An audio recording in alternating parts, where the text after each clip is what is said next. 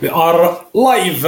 بسم الله الرحمن الرحيم والصلاة والسلام على أشرف المرسلين مشاهدينا ومستمعينا الكرام أينما كنتم السلام عليكم ورحمة الله تعالى وبركاته نسأل الله أن يرفع عنا وعنكم هذا الداء والوباء إن شاء الله أهلا بكم في حصة كاش بوليتيك. كاش بوليتيك وهو أول بودكاست جزائري يعنى بالشؤون السياسية المحلية والدولية. نحاول فيه رفع اللبس عن العديد من القضايا التي تهم الشأن الجزائري والعالم. هذا البودكاست من تقديمنا الدكتور يحيى محمد لمين مستاك يمكنكم الآن استماع للبودكاست عبر تطبيق سبوتيفاي وأنكور. وذلك عندما تكون ربما في الرياضة راك تمارس في الرياضة أو راك طيب أو راك طيبي سيدتي أو راك في السياقه والحصل في السيركيلاسيون.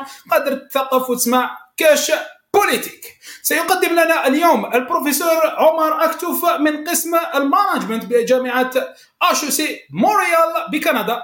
في العدد الثامن عشر من الفصل الثاني في حصة كاش بوليتيك محاضرة حول الأرباح المالية. هل هي خلق للثروة أم إفراط وتدمير؟ بروفي اي فينانس كرياسيون أو سور ديستركسيون euh, bienvenue, merci d'avoir accepté l'invitation, comme toujours, prof. Omar Aktouf. Merci à vous, merci à vous. Et je tiens à, vous remercier non seulement vous, c'est Mohamed Lamine, pour tous les efforts que vous faites pour faire connaître ce que je dis, ce que j'essaie de dire ou d'écrire depuis un bon moment, moment. Et puis aussi, je vais en profiter pour remercier Cécile Laura Mohamed qui nous rejoint de Paris et puis qui est en train de faire des choses extraordinaires. Enfin, on en parlera peut-être plus tard, mais je tiens à le remercier publiquement c'est Mohamed Bachar Moukran, euh, bon, Youssef Ben Daddas. Il y a tout un noyau comme ça de, de gens qui essayent, qui semblent croire en ce que je dis et qui essayent de m'aider, que je voudrais remercier du fond du cœur. Et je n'oublie, mais je pense que j'ai cité les, principaux. Merci beaucoup, merci infiniment. Bon, donc. Euh, merci à vous, merci à vous. quelques. Euh, éléments préliminaires, là, un, petit euh, préambule. Euh, j'ai tenu à faire ce webinaire parce qu'on devait compléter celui sur l'informel, celui sur l'économie agricole, tout ça. Mais euh, j'ai tenu à mettre celui-ci sur le, statut du profit et de la finance, compléter ce que j'ai dit sur la finance la, dernière fois, si, si, on a le temps, comme ennemi de la relance économique, essentiellement et de l'économie réelle euh, en général, même si ça peut paraître complètement absurde, mais malheureusement, malheureusement, c'est comme ça. Alors, euh, je voulais mettre donc ce webinaire maintenant parce que euh, je trouve que les gens qui m'écoutent, beaucoup, bon, non seulement sont marqués par, par les études qu'ils ont faites, ceux qui ont fait des études d'économie néolibérale, d'économie mathématique, de gestion à l'américaine, etc., ils sont complètement ont formaté à ce qu'ils ont étudié. Donc c'est normal que mon discours leur paraisse euh, venu de, je ne sais quelle planète extraterrestre. Mais euh, donc, euh, un des éléments qui bloque, c'est le fait qu'on a mis dans les têtes que l'on crée, que l'économie, la finance, c'est la création. Alors, j'ai déjà commencé à, démystifier un peu cette, notion de création.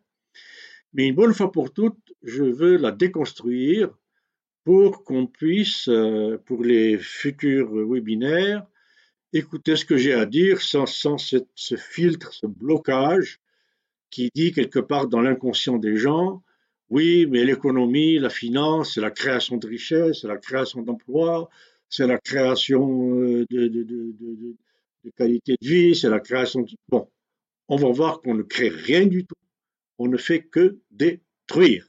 Et ça, c'est les sciences fondamentales. Alors, avant d'aller plus loin, aujourd'hui, dans les journaux d'aujourd'hui, je parle du 18 décembre 2020. Voilà, je vous montre, euh, j'ai imprimé ça. Cette crise marque la fin du capitalisme néolibéral. Entretien avec Mathieu Pigas, qui est un banquier, entrepreneur, un pote de, la finance, etc.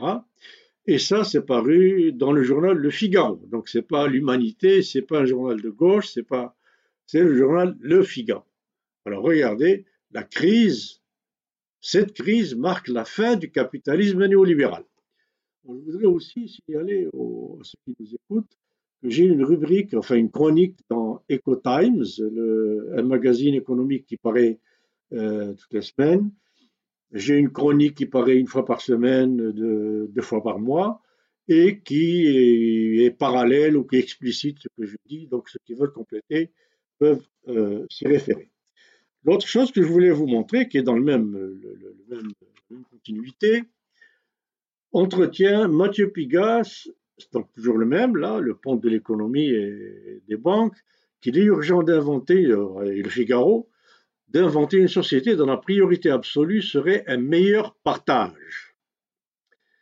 Et ça tombe bien parce que dans les journaux d'aujourd'hui aussi, euh, on peut lire, alors si vous cherchez le Devoir par exemple, le quotidien de Montréal, mais d'autres journaux aussi, le FMI, euh, Fonds monétaire international, l'OCDE, etc., parlent euh, euh, d'études économiques faites par la London School of Economics, si j'ai bonne mémoire, une autre grande école d'économie euh, anglaise, une autre, euh, ou plusieurs autres même, américaines d'ailleurs, et qui euh, dénoncent la farce de ce qu'on appelle le trickle down. Trickle down, c'est la théorie du ruissellement. Trickle down.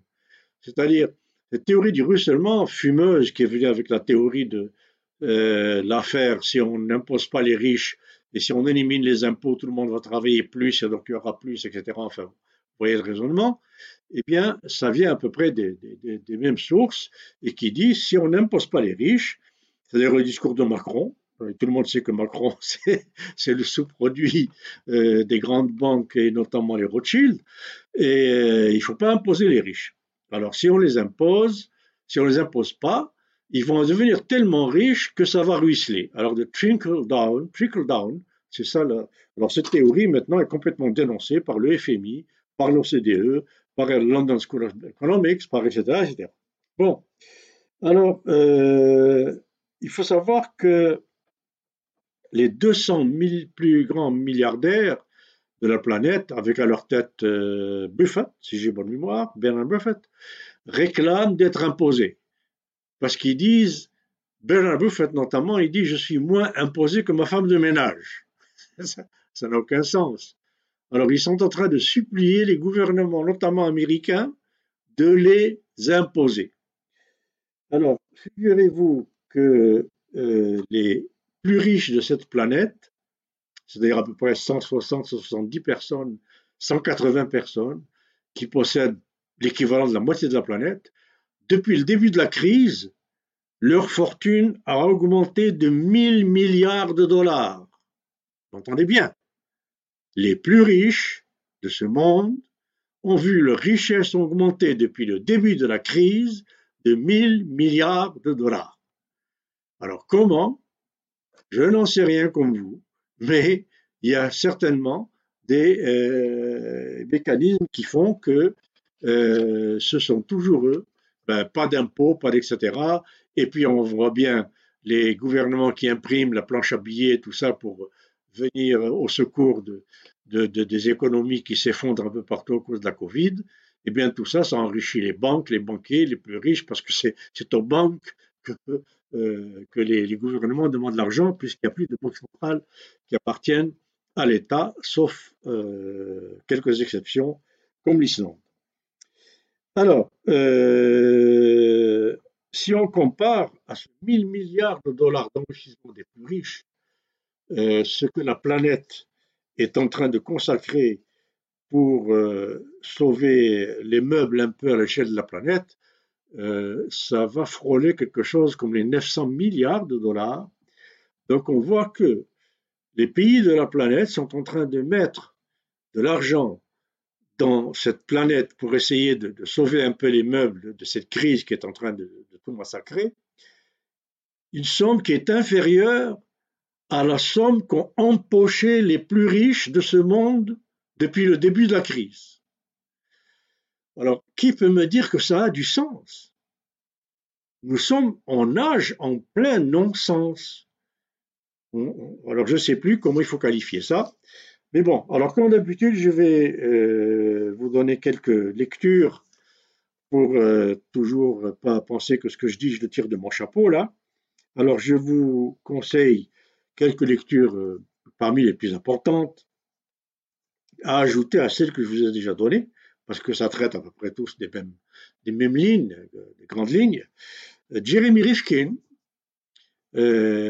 qui est, est une, un essayiste un peu, un peu comme euh, Alvin Toffler, et qui a écrit Entropy in the Economy, Entropy Law in the Economy. Donc, l'économie et la loi de l'entropie. Un livre qu'il faut absolument lire. Je ne sais pas s'il est traduit en français, je l'espère, mais il faut absolument lire ce livre pour comprendre les liens entre l'entropie, qui est un concept de la physique, le deuxième principe de la thermodynamique, la dégradation irréversible de l'énergie à l'échelle de l'univers, et l'économie. Donc, l'un des premiers, enfin, l'un de ceux que je connais qui ont fait ça. Il y a aussi Georgescu Rogan, Nicolas Georgescu Rogan, d'origine euh, roumaine, qui était professeur d'économie mathématique à la Vanderbilt University, et qui a écrit euh, notamment Demain la décroissance, et aussi euh, un, une énorme brique sur euh, les lois de la physique et l'économie. Donc lui aussi euh, montre notamment les différentes notions d'énergie, différents types d'énergie, liées, non liées, libres, etc., etc. Enfin, il y a beaucoup de choses à, à comprendre sur la, seulement sur la notion d'énergie elle-même. Alors, quand on dit euh, on utilise de l'énergie, on économise de l'énergie, de quelle énergie on parle? Libre, lié, pas lié, euh, etc. Bon, donc euh, il y a beaucoup de choses à clarifier, beaucoup de notions à clarifier. On le fera au fur et à mesure dans mes webinaires. Alors, il y a aussi Edgar Morin, bien entendu, Nature de la nature, euh, le paradigme perdu, euh, notamment, et bien, bien, bien, bien sûr, tous ces écrits, ou presque, euh, nous sommes tout à fait sur les mêmes, longueurs d'onde, sur le, concept de complexité, et donc de multicomplémentarité, et, et, et d'enchevêtrement de, des déterminismes et des causalités entre toutes les différentes sciences et ce qu'elles expliquent dans ce qui se passe dans ce monde. Alors, pour comprendre ce qui va mal en économie, eh bien, il faut aller vers la physique, il faut aller vers la thermodynamique, il faut aller vers l'astrophysique, il faut aller vers la mécanique quantique, il faut aller vers l'anthropologie, il faut aller vers la philosophie, un tas de choses, parce que tout ça est, lié. L'être humain et ce qui se passe avec l'être humain n'est pas saucissonné selon les différentes sciences. Il n'y a pas l'homme philosophique, l'homme anthropologique, l'homme ethnologique, l'homme physique, l'homme biophysique, l'homme biochimique, l'homme... non, l'homme financier, tout ça est interrelié. Donc, c'est ce qu'a fait, c'est de faire Edgar Morin et ceux que je viens de vous citer, et moi-même, évidemment, à ma petite échelle, aussi René Passé, euh, biophysicien, je crois, physicien euh, français, qui a écrit L'économique et le vivant. Alors vous verrez un peu, c'est un peu dans la même lignée que Edgar Morin. Euh, il y a bien entendu aussi euh, Bernard d'Espagna, qui a beaucoup écrit sur euh, la façon dont la physique parle de ce monde. Et il y a aussi Elia Prigogine, euh, prix Nobel de biophysique, de biochimie, euh, etc., etc., pour la Nouvelle Alliance, et euh, un certain Jairo Roldan, qui est le patron du euh, laboratoire de thermodynamique de, euh, l'Académie supérieure des sciences de Colombie, qui a écrit notamment, vous trouverez ça dans mon livre La stratégie de l'autruche, euh, des articles après mon propre premier article qui est paru sur ce dont je vais traiter aujourd'hui, c'est-à-dire les liens entre l'économie et la thermodynamique et la physique. Alors voilà pour les lectures que je vous conseille. Euh, avec Internet, tout ça, j'espère qu'aujourd'hui vous pouvez euh, assez facilement vous procurer tout ça. Alors, donc le profit et la finance, est-ce que c'est de la création ou de la superdestruction? Aujourd'hui, on va commencer par le profit. La finance, j'ai commencé déjà la, dernière fois. Si j'ai le temps aujourd'hui, je terminerai avec la finance, mais on va voir que c'est un peu compliqué euh, du point de vue de la thermodynamique et de la physique. Mais on va commencer par la notion de profit. Bon, Alors, euh, j'ai commencé à, me poser ces questions en lisant notamment Einstein. Euh, bon, dans ma vie, ça t'est arrivé que je lise Einstein. Je ne peux pas vous dire à quelle occasion ni pourquoi, mais euh, ça m'a frappé qu'Einstein dise on ne peut pas résoudre un problème à partir du système de pensée qui a créé le problème. Bon, c'est une phrase extraordinairement importante du point de vue épistémologique. Euh, un problème qui a été créé par la pensée néolibérale ne peut pas être guéri ou dépassé ou corrigé par la même pensée néolibérale qui a créé le problème. Donc il faut sortir de la pensée néolibérale et de la pensée économique pour comprendre pourquoi la pensée néolibérale ne fonctionne pas. Pourquoi, comme le disent aujourd'hui ces gens du Figaro, cette crise, c'est la fin de l'économie néolibérale. Et quand on dit c'est la fin de l'économie néolibérale, ça veut dire c'est la fin des écoles de, de, facultés d'économie. Il faut toutes les fermer. En tout cas néolibérales, business economy, c'est tout ça. Je ne parle pas de la London Economic School où il y a quand même toute une partie, ou Cambridge, ou Oxford, ou etc., ou d'autres pays, l'Allemagne, où il y a encore de l'économie politique, il y a encore de l'économie marxiste, il y a encore de l'économie substantiviste, etc., etc. Je parle évidemment de tout ce qui est dominant à l'américaine. Ça, ça veut dire aussi fin de l'économie du capitalisme néolibéral, il faut fermer les business schools. Les écoles de gestion avec ce qu'elles racontent aujourd'hui, c'est fini, il faut arrêter le massacre tout de suite. Bon, alors vous voyez donc les, conséquences sont, grandioses.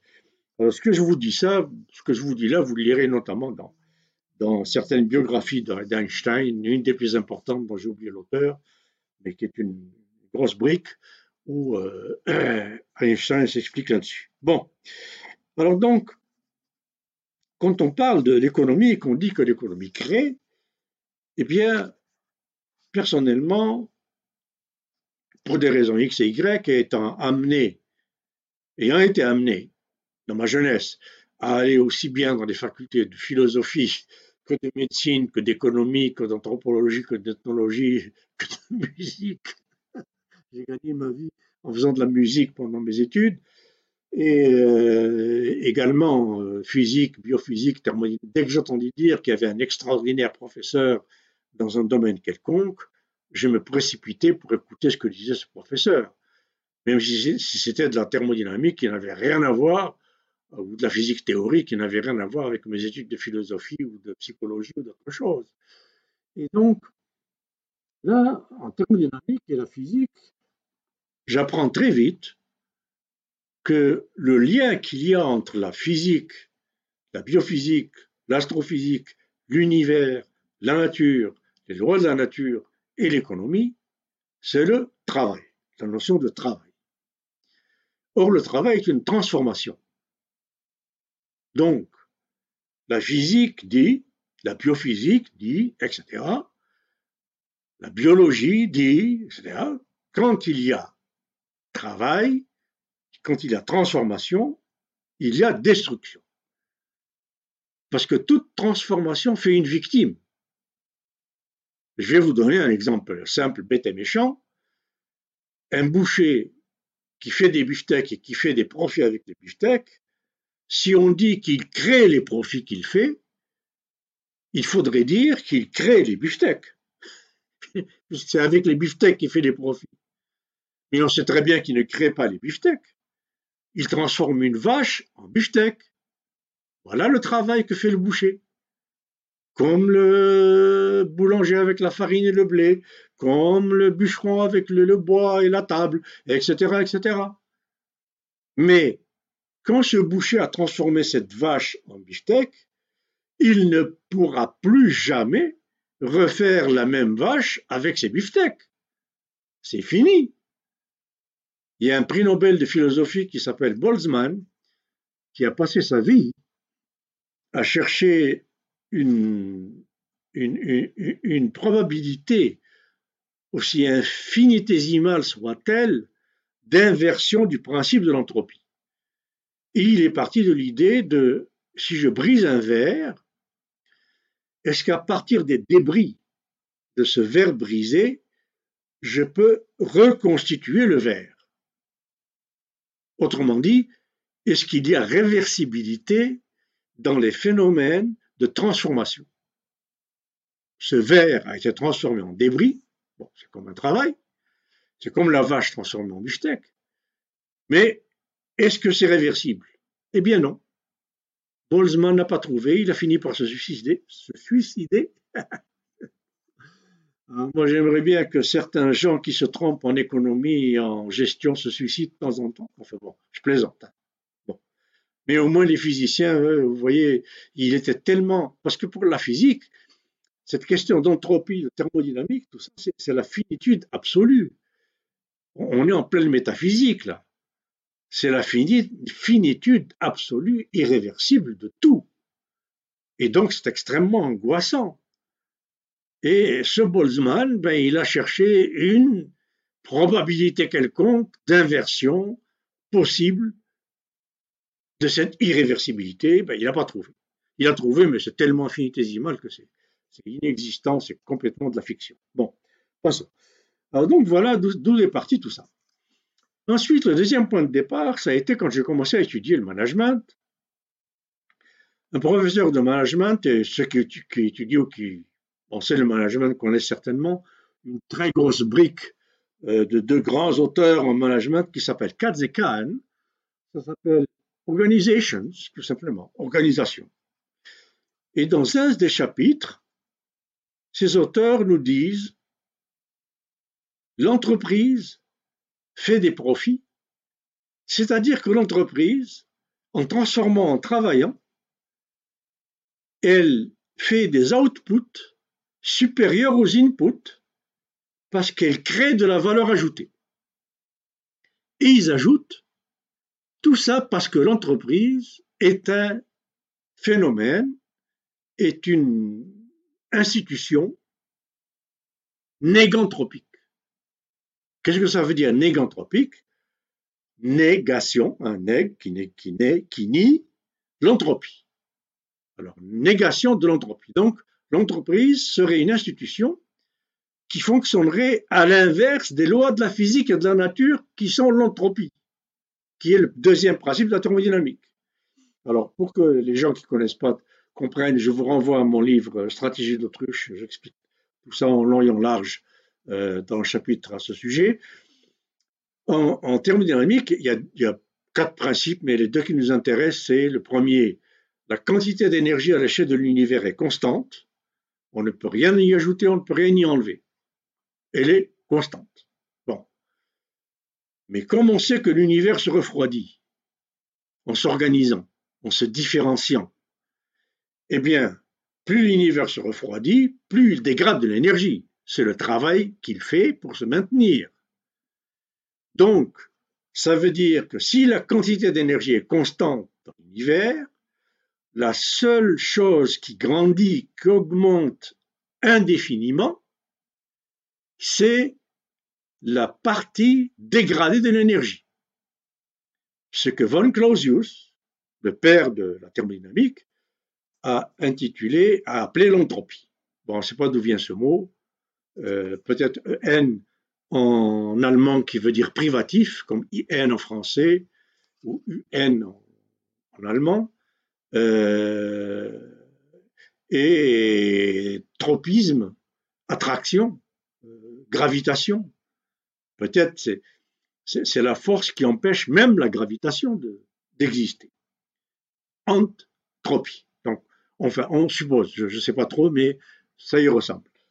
Donc, euh, Clausius, qui a inventé ce, terme, et qui plus tard a été repris par Boltzmann et par bien d'autres, malheureusement, il a été inconnu par Marx, parce que Clausius a fait ça en 1800, euh, début des années 1860.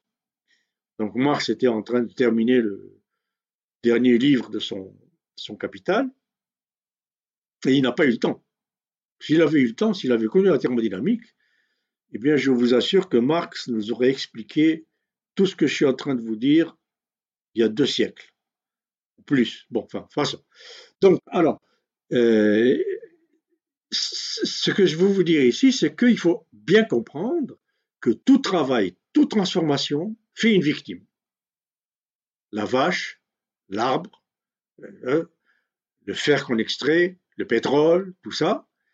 Et cette victime que nous faisons en transformant est irréversiblement perdue, finie. Il faut attendre que la nature, sur les temps géologiques, des millions d'années, etc., etc., si on laisse l'atmosphère tranquille, si on ne réchauffe pas le climat, si on ne dérange pas les phénomènes naturels, si on ne brise pas les équilibres homéostatiques, si, etc., etc., dans des millions d'années, la Terre va reproduire le litre de pétrole que je brûle aujourd'hui pour me déplacer d'un kilomètre. Parce que moi, je ne sais pas faire du pétrole. Comme le boucher ne sait pas faire une vache. Comme le boulanger ne sait pas faire du blé. Comme le bûcheron ne sait pas faire un arbre. Le bûcheron ne crée pas une table quand il coupe un arbre et qu'il le transforme en table. Il n'a rien créé du tout. Il a transformé un tronc d'arbre en table. Voilà, c'est tout. Mais alors la table n'est pas une création, parce que le travail humain, enfin c'est bête de, dire le travail humain, parce qu'il n'y a que l'être humain qui travaille. Hein. Les animaux, ils ne travaillent pas, ils profitent de la vie, ils ils sont, pas fous les animaux, hein. parce qu'ils ne connaissent pas l'argent. S'ils connaissaient l'argent, peut-être qu'ils se mettraient à travailler comme des malades aussi. Bon, passons donc. Excusez-moi la parenthèse.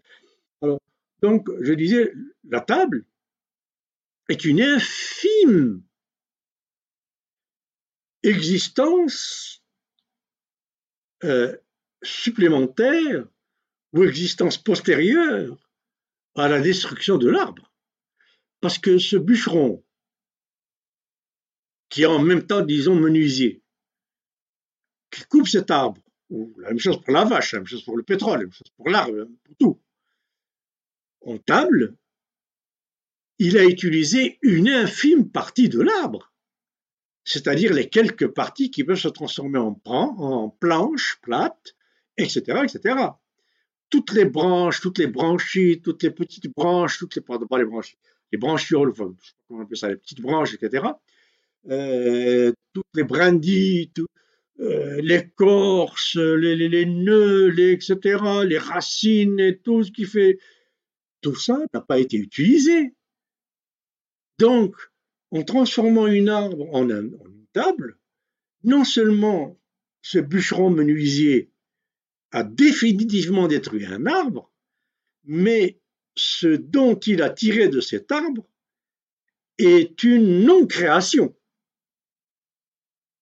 puisque c'est une infime portion de l'arbre qu'il a détruit qui devient une table.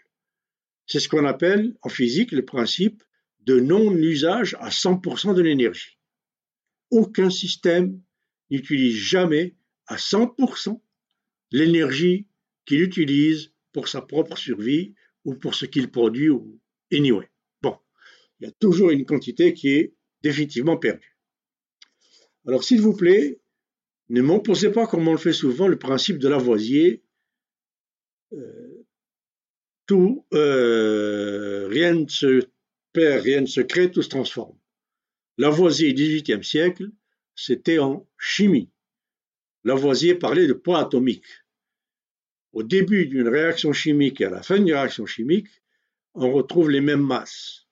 Donc rien ne se perd, rien ne se perd, rien ne se crée, tout se transforme. Oui, dans une réaction chimique. Mais ce que Lavoisier ne connaissait pas à son époque, c'était évidemment la thermodynamique. Il ne pouvait pas savoir qu'il y avait un phénomène qui va être un phénomène similaire, ou en tout cas proche ou euh, équivalent à l'effet Joule, c'est-à-dire cette quantité chaleur qui est nécessaire à toute réaction chimique et qui est définitivement perdue. Définitivement. Irréversible. Bon, alors voilà comment je me retrouve avec ce livre en, en management, où mon professeur de théorie des organisations et le livre me disent l'institution euh, d'entreprise économique est une institution négantropique. Elle va contre les lois de l'entropie. Alors, figurez-vous que j'ai levé la main, j'ai demandé à mon professeur, évidemment, c'est un professeur d'Amérique du Nord, mais monsieur, comment la physique, Boltzmann, etc., nous ont, comment une, une institution quelconque dans l'univers tel qu'on le connaît, tel que le connaît la physique actuelle, il ne peut pas exister de système négantropique. Ça, ne se peut pas. Bon, ben, inutile de vous dire qu'il n'a même pas compris ma question. Pour lui, négantropie, c'est un mot qu'il a lu comme ça en passant, et puis euh, il m'a tout juste dit que c'était une espèce de, de, de, conception de qui était un peu compliquée. Bon, il s'en est sorti comme il a pu. Bon. Mais moi, je n'ai pas pu avaler ça. Bien.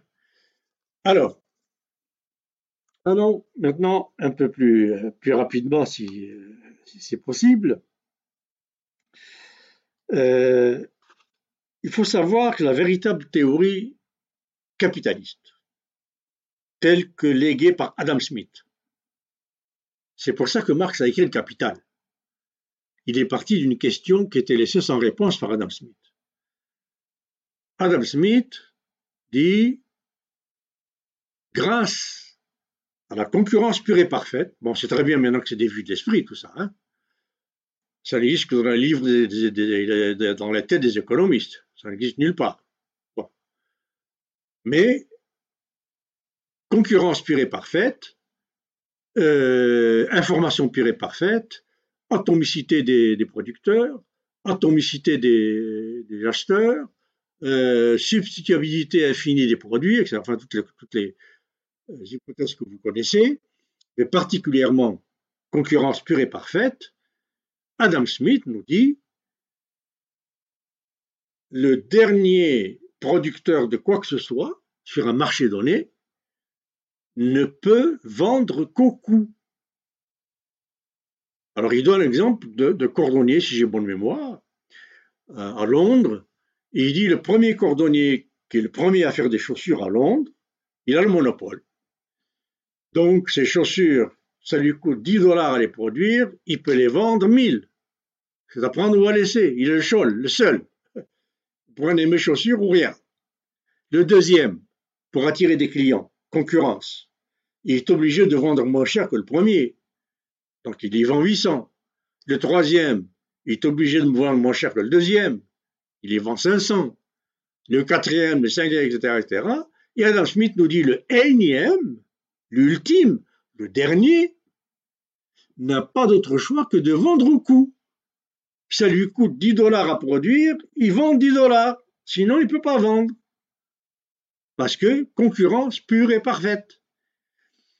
Mais alors, ce qu'on a déformé après, c'est pour ça que je vous dis donc Marx, lui, il est parti de cette question. Marx, il a écrit le Capital parce qu'il s'est posé la question suivante. Adam Smith, etc., théorie du capital, concurrence pure et parfaite, tout ça, ben, ça nous dit que, ultimement, la logique du capitalisme, c'est que tout finit par se vendre à son coût, donc à zéro profit. Mais Marx nous dit, je vois qu'il y a des profits. D'où viennent les profits? Alors voilà un des premiers éléments qui a commencé à me tarauder sur l'origine du profit. D'où vient le profit? Si on, doit vendre au coût pour être conforme à la théorie capitaliste, alors je vous dis en passant, donc tous les pays qui se disent capitalistes ne sont pas capitalistes, selon la véritable théorie du capitalisme. Mais, alors Marx parle de cette question, pourquoi y a-t-il du profit? Il y a deux possibilités. Ou les théories d'Adam Smith sont fausses, toutes ces hypothèses, etc., ça ne vaut, pas une pelure d'oignon, ou alors, l'économie telle qu'elle fonctionne n'a rien à voir avec la théorie telle qu'elle la décrit. Mais il faut trouver la réponse. Et il a écrit tout ce qu'il a écrit là-dessus, on le sait, hein, le capital, 2000 ou 3000 pages. Bon, alors, donc voilà, de c'est parti tout ça. Et euh, maintenant, on oppose à cette question de vendre au coût la question suivante qui est courante, que qu'on crée, euh, on crée, blablabla. Oui, mais sans profit, l'économie s'arrête. Il n'y a pas d'investissement, il n'y a pas de rémunération du capitaliste. Quelle est la motivation du capitaliste s'il ne fait pas de profit? Comment peut-on zéro profit Or, zéro profit, c'est une théorie qui a été reprise par des modernes et pas, des moindres, John Kenneth Galbraith notamment, de Feu, John Kenneth de la Harvard Economic School, et, j'en passe, il n'est pas le seul, euh, le Club de Rome, euh, et j'en passe. Bon, zéro profit, zéro croissance, ça se peut. Pas zéro croissance. Euh, disons, croissance zéro, on a appelé ça comme ça, mais ça veut dire croissance équilibrée. Ça veut dire que je ne fabrique pas des chaussures juste pour fabriquer des chaussures et vendre des chaussures et faire de l'argent avec des chaussures. Je fabrique des chaussures au fur et à mesure que les besoins des humains aux chaussures augmentent, c'est-à-dire en équilibre. Et ça, c'est conforme aux lois des équilibres homéostatiques de l'univers et de la nature. Mais c'est pas ça qu'on fait. On s'est mis à produire pour produire. Comme on finance, on s'est mis à transformer l'argent, la monnaie, en marchandise. Or, la, monnaie n'est pas une marchandise qui se vend et qui s'achète, comme l'entreprise. C'est devenu une marchandise qui se vend et qui s'achète, etc., etc. Bon, donc, euh, alors, voilà, cette question de, euh, est, extrêmement importante euh, parce que on pense que si on vend au coup, tout est, tout est perdu. Pas du tout. Je l'ai déjà dit, vous voyez-le dans mon livre La stratégie d'autruche, le capital se rémunère cinq ou six fois, simplement par rapport de force. Première rémunération, c'est l'amortissement. L'amortissement, c'est un flux monétaire qui rentre en gain de capital, en augmentation des gains du capital, et qui n'est partagé avec aucun ouvrier que je sache. Le capital, quand il est sous forme de passif dans l'entreprise, l'intérêt va dans la poche du capitaliste. Trois, le salaire que se donne le capitaliste. Et quel salaire? Hein? Mille fois le salaire de ses employés aujourd'hui. Bon. Quatrième, la capitalisation de l'entreprise, c'est-à-dire la valeur que prend l'entreprise avec le temps. L'immobilier, les machins, etc., les capital fixes, la technologie, le know-how, tout ça, ça prend de la valeur avec le temps. Bon. Et le cinquième, c'est ce qu'on appelle les, profits, les dividendes qu'on distribue. Et le sixième, c'est ce qu'on appelle le patrimoine ou l'avoir des actionnaires, equity en anglais. C'est ce qui reste après investissement et impôt. Alors dites-moi pourquoi pour quelle raison? Quelle est la science qui dit que le facteur capital a le droit de se rémunérer six fois et nous dire, ou cinq, disons cinq fois, allez, si on enlève le patrimoine et l'avoir des actionnaires, et qui nous dit, si on m'enlève la cinquième, je ne suis pas rémunéré alors qu'il est déjà rémunéré quatre fois. Un rapport de force, tout simplement, comme l'a établi Karl Marx. Bon. Alors donc, je vais essayer d'aller un peu vite, excusez-moi, mais la, matière est difficile, elle est complexe, elle est compliquée, je ne peux pas aller plus vite que la musique et, expliquer ce que moi-même, j'ai beaucoup de difficultés à, articuler en termes, disons, euh, compréhensibles y compris pour la façon dont moi-même je voudrais l'expliquer. Alors, donc, qu'est-ce qui se passe là?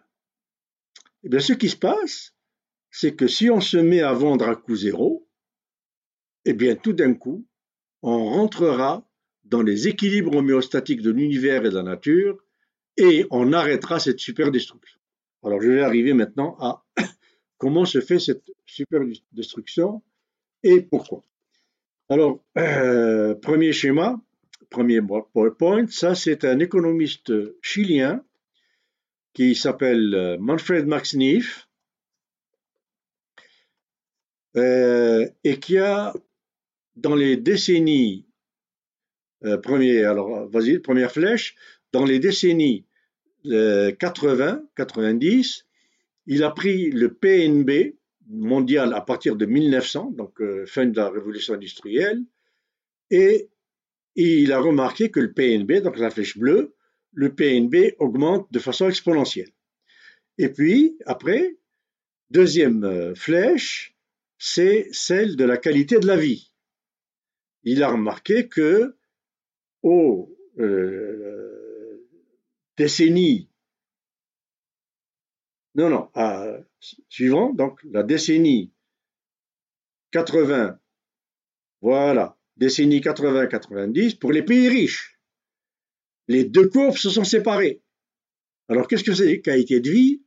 Alors, on verra plus tard quand on parlera de la mondialisation que je suis arrivé au même résultat que Max Neef, qui a obtenu le prix Nobel d'économie alternative, parce que ça existe, hein, un prix Nobel d'économie que les économistes donnent aux économistes intelligents. Enfin bon, entre guillemets.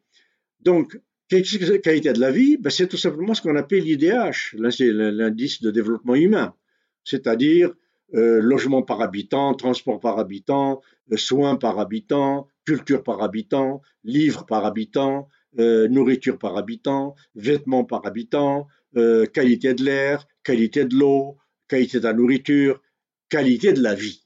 Eh bien, les deux se sont séparés depuis. Alors, ce qu'il fallait faire depuis 1980 ou 85, c'était ce qu'il y avait d'intelligent à faire, et c'est ce qu'a dit le Club de Rome en 1972 quand il a publié son fameux Halte à la croissance, c'était d'arrêter la croissance du PNB à la décennie 80. Parce que chaque dollar supplémentaire du PNB à partir de ce point d'inflexion fait plus de destruction que de bien. Il nécessite plus de chômeurs que d'employés. Il provoque plus de pauvreté que d'enrichissement. Il nécessite plus de pollution que le dollar précédent. Il nécessite plus de malvie pour la majorité que le dollar précédent. Alors voilà. Max Niff, vous pouvez chercher sur Internet, vous trouverez, il a écrit plusieurs choses en espagnol. Alors, je ne sais pas si c'est traduit en français, j'espère que vous trouverez. Bon. Donc, passons au suivant maintenant. Si on regarde les lois de la biologie, de la biophysique et euh, de la nature. Les lois de la nature fonctionnent, lorsque vous voyez les deux traits, les deux parallèles, c'est ce qu'on appelle les boucles de rétroaction négative. Boucle de rétroaction négative, ça ne veut pas dire au-dessous ou au-dessus de zéro. Ça veut dire tout simplement une rétroaction. Dans la nature et dans l'univers, quand quelque chose va dans un sens, eh bien, l'équilibre homéostatique, c'est que ça provoque une rétroaction, pas une réaction, une rétroaction, non, attends, attends, attends, qui va dans l'autre sens et qui donc contrarie la première action et rétablit l'équilibre. Et ça, c'est homéostatique, constamment. Alors, si on prend un exemple des lièvres et des loups, les lièvres augmentent dans un bois. Il y a des lièvres et des loups, les lièvres augmentent. Alors, on voit la première flèche dans, le. Voilà, les lièvres augmentent. Ils arrivent à la limite d'en haut, il y a tellement de lièvres qu'ils nourrissent beaucoup de loups. Alors les lièvres diminuent. Ils baissent. Les, les lièvres baissent tellement, quand ils arrivent à la limite d'en bas, il y a tellement peu de lièvres que les loups commencent à mourir. Donc les lièvres augmentent à nouveau. Et ainsi de suite. Les lièvres augmentent, les loups augmentent, les lièvres augmentent, les lièvres diminuent, et c'est l'équilibre l'équilibre. Voilà. Alors, euh, ah, voilà, c'est la loi des équilibres. L'équilibre homéostatique, c'est-à-dire les équilibres stationnaires. Pas l'équilibre stationnaire qui est la mort. C'est les équilibres homéostatiques, donc des équilibres entre des limites. Par exemple, notre température à nous, c'est 37,5, 36,5. Au-dessus de 37,5, c'est la fièvre et la mort par euh, convulsion. En dessous de 36,5, c'est l'hypothermie et la mort par euh, hypothermie. Donc, il faut que notre organisme euh, garde notre température, c'est ça. C'est ça les lois de l'univers, de la physique, de l'astrophysique, de la biophysique, de la biochimie, de la nature. Les équilibres homéostatiques.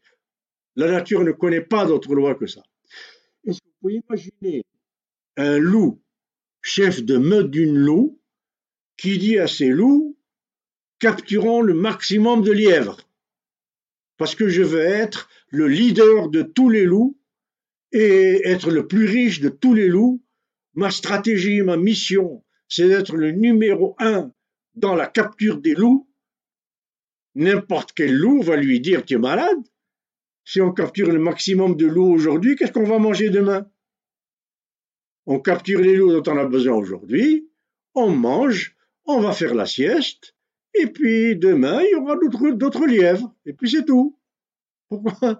Alors je ne comprends pas pourquoi ce raisonnement que n'importe quel loup, n'importe quel ours peut comprendre, je ne comprends pas que nos économistes et nos professeurs de gestion ne le comprennent pas. On ne peut pas faire le profit maximum. C'est impossible. Et surtout pas tous en même temps. Impossible. Bon, alors voyons maintenant ce que fait l'entreprise. L'entreprise, elle, elle fait ce qu'on appelle une boucle de rétroaction positive, voilà, positive, donc qui renforce la rétroaction dans le même sens. Ascendante. Alors aujourd'hui, General Motors fait 100 millions, elle veut 10 millions, 1 milliard, etc., etc., 100 milliards, jusqu'à plus l'infini, c'est-à-dire vers l'explosion vers l'explosion du système, plus l'infini. Bon, mais la nature, la nature, la biophysique, etc., ne connaissent pas de boucle de réattraction positive, ça n'existe pas. Donc la nature et les lois de la nature, etc., compensent par une autre boucle de rétroaction positive descendante, descendante, donc qui, qui va vers moins l'infini. Et elle, c'est quand General Motors en haut fait 100 000 dollars de profit, en bas, la nature élimine 50 baleines qu'on retrouve mortes dans le golfe du Saint-Laurent, farcies de métaux lourds toxiques, vénéneux, qui viennent directement des usines de General Motors qui se déversent dans le Saint-Laurent. S'il y avait des lois pour empêcher General Motors de déverser ces 120 à peu près produits, chimiques, produits euh, métaux lourds, toxiques, etc., dans le fleuve Saint-Laurent, et qui tuent 50 baleines, enfin 50 une fois, eh bien, General Motors serait obligé de consacrer une grosse partie de son argent à contrôler, à inventer des technologies pour contrôler ces métaux toxiques ne pas tuer de baleines, et si elle consacre de l'argent à cette technologie, eh bien General Motors ne ferait pas de profit, ou ferait moins de profit. Donc voilà, ce 100 000 dollars de profit de General Motors, c'est l'énergie de 50 baleines mortes transférées en tant qu'énergie à General Motors. Alors on va voir ça plus tard, comment ça s'explique en termes d'énergie. Alors, voilà donc comment la nature compense. General Motors ou Chrysler ou Ford, etc., fait 10 millions de profits, la nature fait, ou euh, les lois sociales, etc., 100 000 chômeurs, comme je l'ai expliqué la semaine dernière pour AT&T, Scott Paper et tout ce qui s'ensuit. Euh, 100 millions de pauvres en Afrique, plus de pollution, plus euh, d'étouffement des océans, plus de réchauffement climatique, etc. etc. on va revenir à ce schéma plus loin. Passons au suivant. Alors, le suivant, c'est ce que nous explique la physique et la thermodynamique. Souvenez-vous, je vous ai dit, pour la physique et la thermodynamique, il y a en gros trois systèmes qui existent. Il n'existe pas de système négantropique. Ça n'existe pas. Il y a les systèmes isolés, qui n'échangent ni énergie ni euh, matière avec l'environnement. Deuxième, des systèmes euh, ouverts, fermés, pardon, qui n'échangent que de l'énergie. Et dernier, c'est le système ouvert vivant naturel qui échange, lui, matière et énergie avec l'environnement. Donc trois types de systèmes. L'entreprise appartient au troisième type, comme moi. Donc comme moi, je suis un système vivant naturel, comme vous, comme l'entreprise. L'entreprise est un système vivant artificiel. Vivant pourquoi? Parce qu'il évolue, il meurt, il grandit, etc., etc. Bon, donc comme moi, l'entreprise importe de l'environnement, de la matière et de l'énergie. Alors matière et énergie, c'est-à-dire, vous comprenez, matière première, etc., etc. Continue s'il te plaît. Donc matière première, euh, énergie, euh, électricité, pétrole, travail, argent, capital, etc. Et tout ça, c'est de l'énergie. Il faut bien comprendre. La matière, c'est de l'énergie. Prenez juste l'équation d'Einstein, E égale mc2, vous faites une permutation et vous avez l'équivalence masse, qui est de la matière, modalité de la matière, égale énergie sur divisé par euh, la vélocité de la lumière au carré. Bon, donc la matière c'est de l'énergie, l'argent c'est de l'énergie aussi. Pourquoi? L'argent c'est de l'énergie parce que l'argent c'est tout simplement le fait que tous les économistes le savent, on n'imprime jamais une unité monétaire quelque part, sinon pour payer le travail de quelqu'un. Donc tout l'argent qui circule, c'est de l'argent. Je ne parle pas de l'argent en manque en spéculation, ça c'est une autre affaire. Je pense qu'on le fera dans le prochain séminaire parce que je n'aurai pas le temps aujourd'hui. C'est une autre affaire. C'est encore pire, infiniment pire que ce que je viens de dire à propos de l'argent qui est fait à partir de transformation physique. Donc, de travail.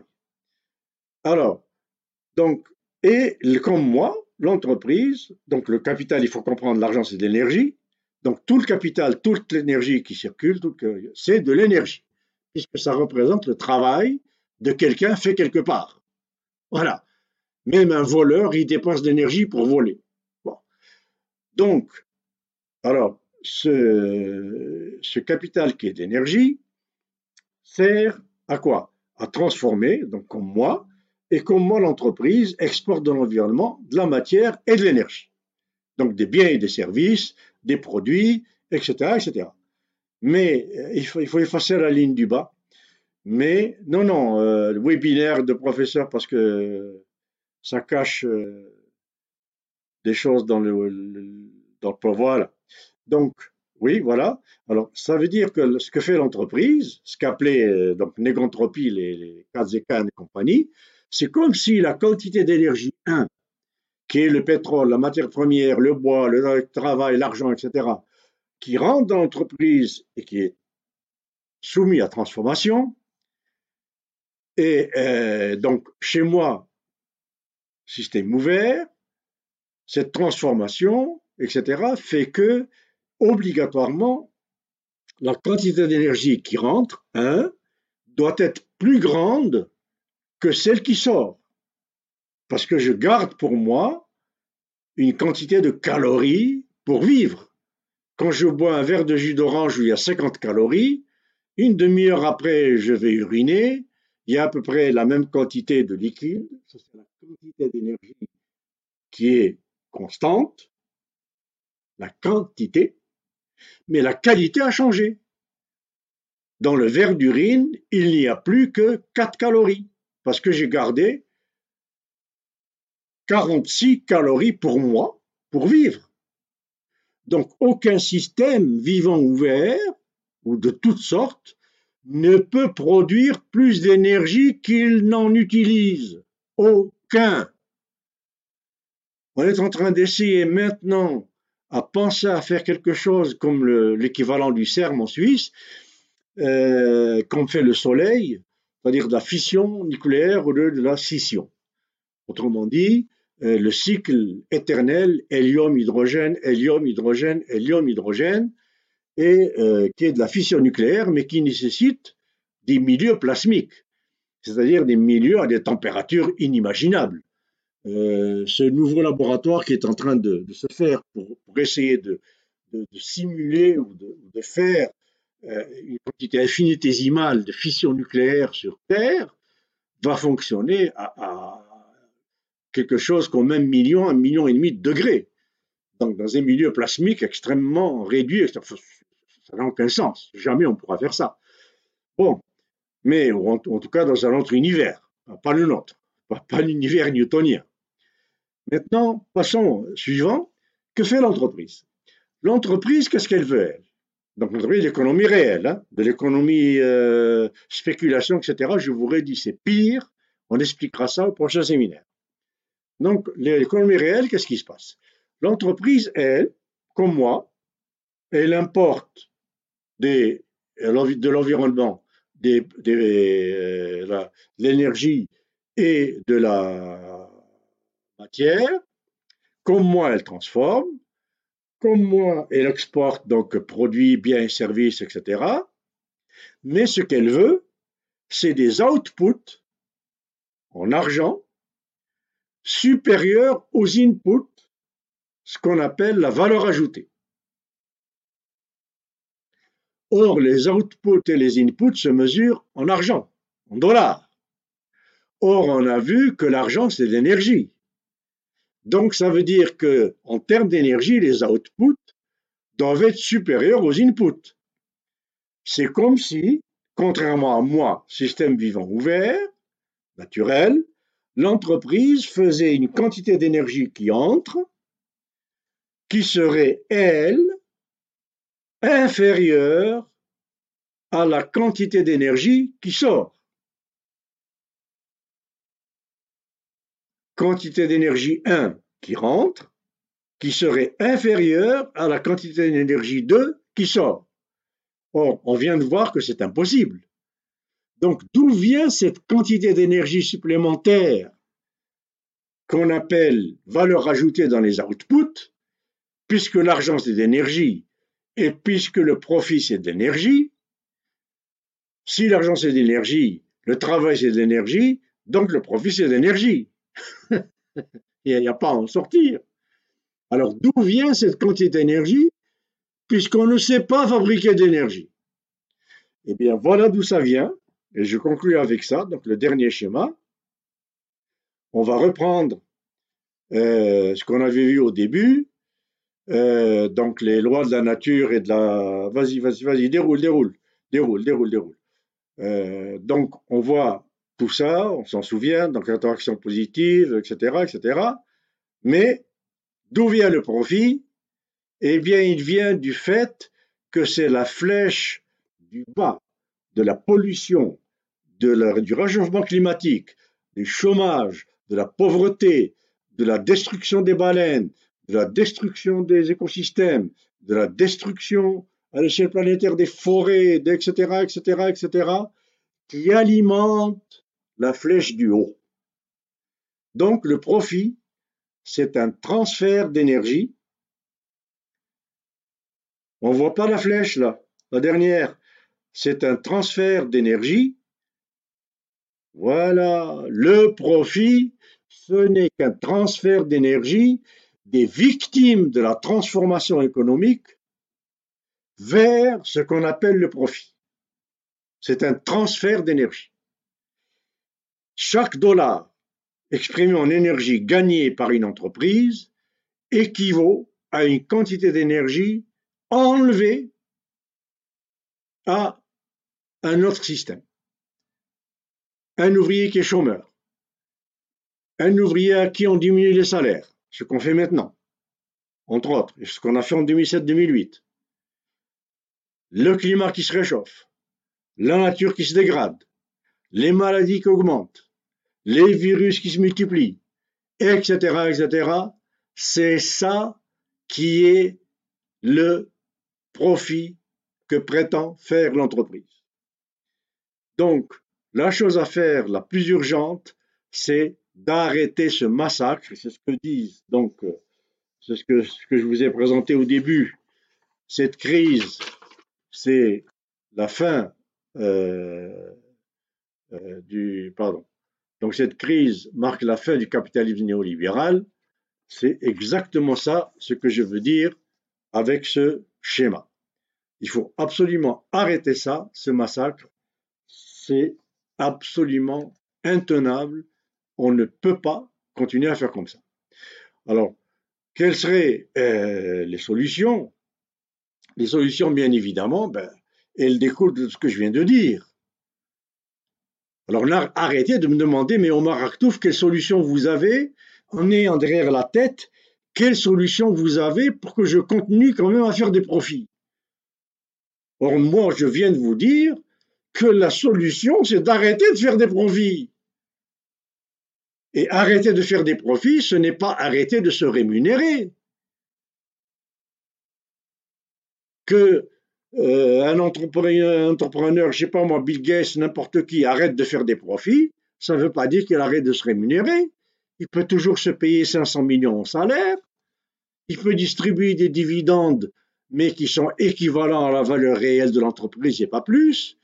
Qu'il paye l'employé son juste salaire, qu'il paye les matières premières leur juste prix et qu'il respecte les équilibres homéostatiques de la nature. C'est-à-dire, si je travaille avec le bois, je ne coupe un arbre pour faire une autre table que quand la nature aura refait le même arbre de la même taille, avec la même biodiversité, dans le même biosystème et de la même espèce. Alors je coupe un autre arbre.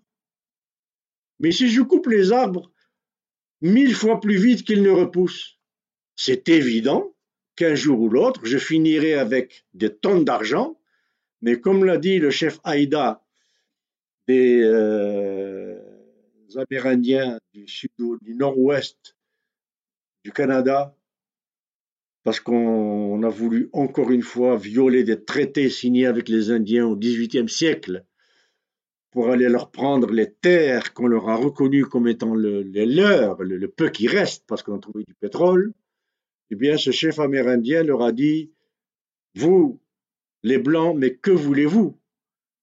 Vous voulez transformer jusqu'à la dernière branche de cette terre en dollars.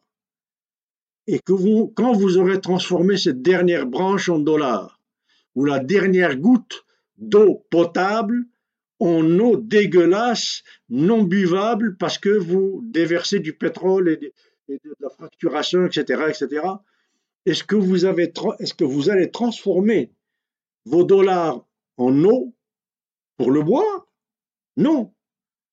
Alors, voilà les solutions, donc on les verra à la fin du, prochain webinaire quand je parlerai de comment euh, la finance et la spéculation sont encore pires du point de vue de la destruction et de la surdestruction que ce qui est fait avec l'économie physique réelle.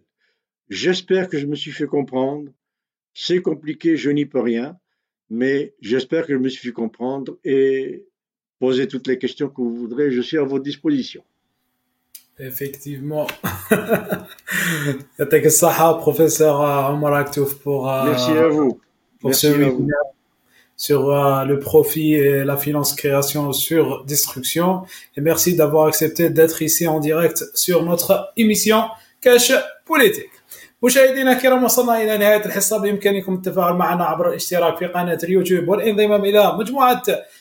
كاش بوليتيك عبر الفيسبوك لكي يصلكم كل جديد.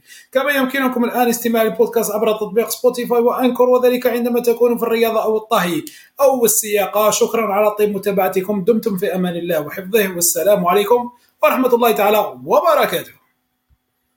De questions